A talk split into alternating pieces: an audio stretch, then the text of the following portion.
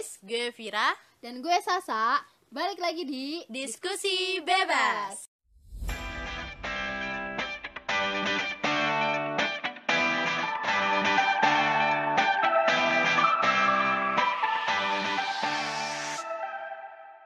Nah, di episode kali ini kita ingin membahas tentang setting boundaries atau personal boundaries. Yep. Kayak seberapa pentingkah hal tersebut untuk kita gitu. Tapi sebelum jalan ke sana nih, kita harus cari tahu dulu apa sih pengertian dari setting boundaries itu? Yap. Apa sih, Ini gue sedikit jelasin ya. Jadi menurut provided by therapist8.com, setting boundaries atau personal boundaries itu are the limits and rules we set for ourselves within relationship. A person with healthy boundaries can say no to other when they want to, but they are also comfortable opening themselves up to intimacy and close relationships. Jadi kurang lebih kayak kita membatasi diri kita dan Iya. berani untuk bilang tidak gitu ya sa. Kalau menurut lo ada tambahan gak nih? Nih, eh, jadi kan setting boundaries itu kan kayak membuat batasan untuk diri sendiri dan juga ke orang lain di dalam suatu hubungan atau relationship gitu. Nah, setahu gua ada buku yang judulnya tuh Boundaries karya Henry Cloud and John Townsend. Itu tuh menggambarkan boundaries itu seperti rumah. Iya. Jadi kayak misalnya rumah itu misalnya ada pagar, ada ruang tamu, ada kamar. Nah, dalam hal boundaries ini misalnya hanya ada beberapa orang saja yang bisa masuk ke Rumah kita. Iya, rumah kita.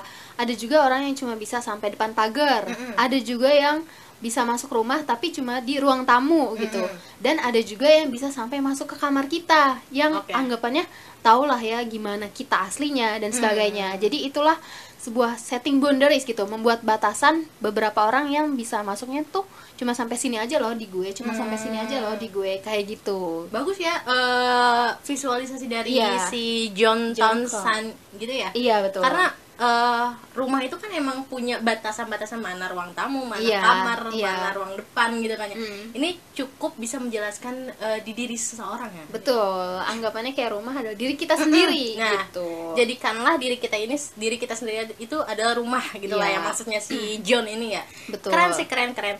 Nah, dari analogi tadi yang kayak menggambarkan rumah, kenapa sih setting boundaries itu tuh sangat amat penting gitu? Hmm. Soalnya kan nih coba kita misalin, kalau misalnya semua orang dan gak dibatasin ya, Hmm. itu semua orang bisa masuk rumah kita, itu kan pasti bakalan jadi bumerang buat Iya. diri kita sendiri karena semua orang jadi tahu rahasia lo, terus jadi Dan tahu gak semua orang baik juga iya ya. masalahnya itu nggak semua orang baik nanti kalau misalnya Kita nggak- mengizinkan. nah, kita mengizinkan seenaknya gitu dan tidak membuat batasan-batasan suatu saat itu malah kita sendiri akan disakiti oleh Hmm. orang lain jadi itulah harus menyeleksi lah ya gitu bikin batasan that's why setting boundaries itu sangat amat penting buat diri sendiri pastinya. iya Dan itu menurut gua nggak egois. Nanti kita bahas ya kenapa nggak Iya, egoisnya ya. betul. Dan kenapa nih? eh, tadi udah bilang kenapa ini penting.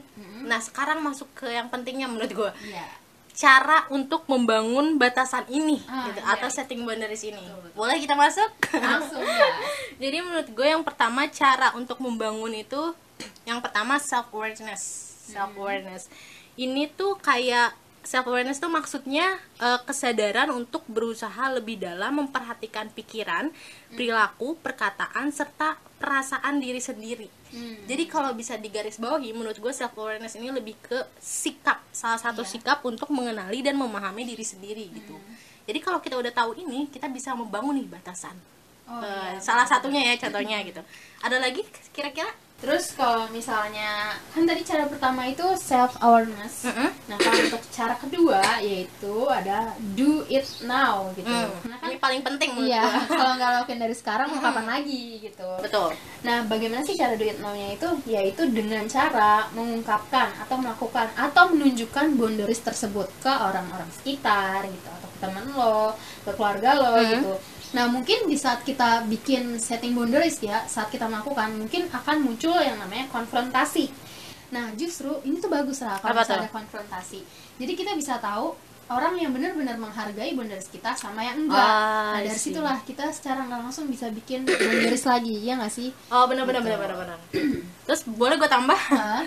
dan menurut gue yang ketiga itu bisa kita sebut dengan eh, dahulukan kita dahulu bukan orang lain Oh iya ya. kenapa gitu Eh, karena menurut gue harus tahu untuk mendahulukan diri kita sendiri harus banget kita tahu loh kayak kita tuh perlu loh didahulukan gitu Iya.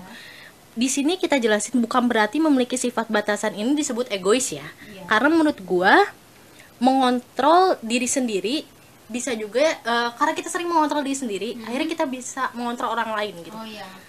Bukan bukan karena kita jadi mengontrol orang lain dengan Iya, iya. sisi negatif Iya, ya iya, pasti.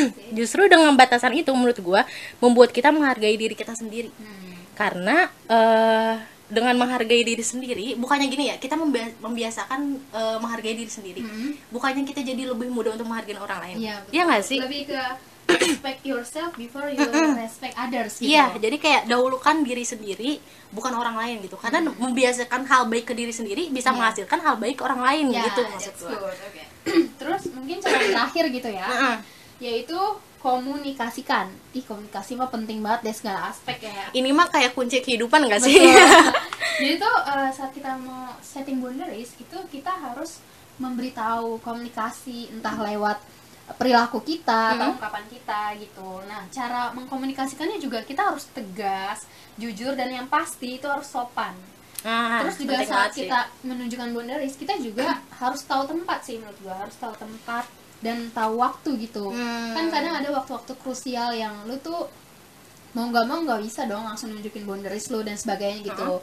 Jadi menurut gua lu harus tahu waktu yang tepat dulu sebelum lu menunjukkan boundaries gitu. Biar sama-sama enak gitu antara lu dan relationship lu seperti itu. gue boleh nambahin sedikit gak? Boleh. Masalah waktu ini tadi. Heeh. Jadi waktu itu gue pernah ke psikolog juga ya. Mhm. Eh, terus gue dikasih tahu untuk cara membicarakan sesuatu. Ya. Salah satunya dengan disebutnya itu ketupat. Mhm. Ketupat tuh artinya ketahui tahu, ketahui waktu dan tempat. Oh, Jadi iya, itu iya. kayak istilah gitu. Heeh. Gue suka istilah itu karena menurut gue saat kita meng- mengkomunikasikan sesuatu harus banget mengetahui waktu dan tempat gitu Iya. Waktu di mana kita membicarakannya terus tempatnya gitu dan situasi kondisi eh, mental kita gitu Iya, kalau iya. kita ngasih taunya marah-marah hasilnya juga pasti marah-marah nggak sih Iya, hasilnya jadi bad gitu. nah ya. itu jadi mengetahui tadi apa yang lo sebut komunikasi itu Iya. perlu ya Heeh. dan waktunya juga itu perlu ya Iya betul. Harus jadi yang tahu itu juga tahu kita lah sendiri ya, harus tahu sikon lah ya. Kita Benar. bisa pasti bisa lah baca sikon gitu. nah Nah dari cerita-cerita cara uh, setting boundaries sama arti boundaries gitu,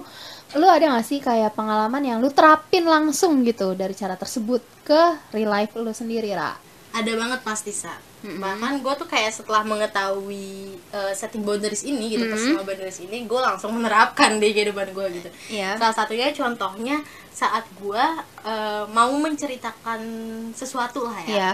Gue tuh pasti eh, milih-milih orang pertama Mhm. terus gue kedua memfilter cerita yang pengen gue ceritain gitu Oh, jadi iya. nggak secara keseluruhan gamblang tuh gue ceritain gitu karena eh, ya gue nggak terlalu percaya orang gitu dan Oh, emang iya. harus banget sih ngefilter gitu itu salah satunya kan milih-milih orang kan itu juga salah satu batasan nggak Iya sih betul. dan ya gue nggak mau sembarangan aja ini salah satu bentuk dari setting boundaries gue Oh iya. Jadi lu tuh mau cerita ke orang-orang yang nyaman aja sama Iya. lu dan kira-kira nggak bakal ngejudge lu gitu. Hmm, ya orang-orang Oke. terpilih aja yang bisa masuk ke ruang tamu gue Iya. atau kamar gue nih gitu udah ada gitu Jadi lu tuh kayak dua kali gitu gak sih? Kayak selain memfilter orang-orang yang bisa lu ceritain, cerita lu aja juga lu filter Iya, gitu agar tidak sih. too much menurut lu gitu. itu salah satu bentuk real ya salah Iya. satu bentuk real dari contoh setting boundaries gue Oke. kalau cerita lu Kalau gua salah satu contoh setting boundaries versi gua itu adalah dengan pindahnya Instagram. gitu. oh I see, ya. Jadi gue tuh pakai cara yang do it now sama komunikasikan gitu.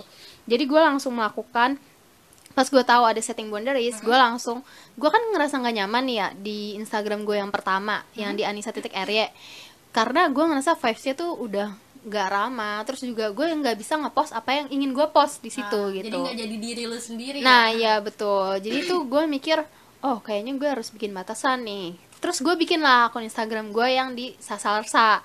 Nah di situ tuh gue bener-bener gue cuma mau ngefollow orang yang mau gue follow aja dan gue hanya mau di follow oleh orang-orang yang gue mau di follow gitu loh. Ah, iya. Jadi kayak hanya orang-orang yang menurut gue tuh kira-kira dia tuh aman dan tidak ja- ngejudge gue gitu. Yang jadi bikin feel safe gitu loh. Walaupun zone lu lah ya Ya benar. Jadi itu sih terus habis itu dengan cara gue ganti Instagram kan teman-teman juga pasti nanya gitu. Jadi gue komunikasikan gitu. Ah. Kalau gue tuh emang pengen bikin batasan hanya orang-orang yang gue percaya aja nih di Instagram ini gitu. Dan setelah gue setting boundaries, gue jadi ngerasa lebih aman nyaman Lebih gitu lega ya? iya lebih lega jadi itulah menurut gue yang manfaat banget dari setting boundaries gitu untuk ke mental kita gitu penting banget ya Penting banget. setting boundaries ini kayak bener-bener bikin nyaman diri sendiri gitu Mm-mm. sekali lagi ini bukan egois menurut gua enggak ini jauh banget dari kata egois sumpah.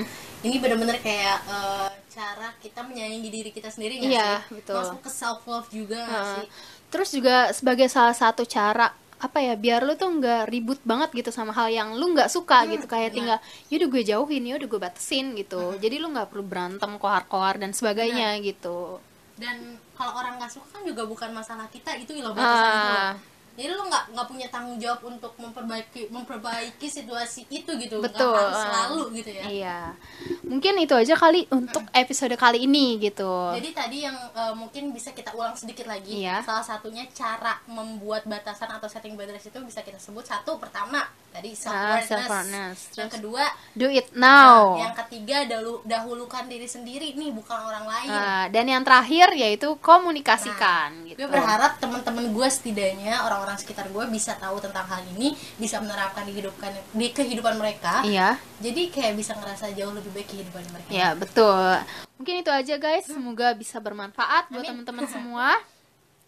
Thank Dan you, jangan ya. lupa, ah, jangan lupa nge-follow Instagram kita yaitu di bas underscore podcast. Thank you buat teman-teman yang selalu mendengarkan. See you, bye-bye.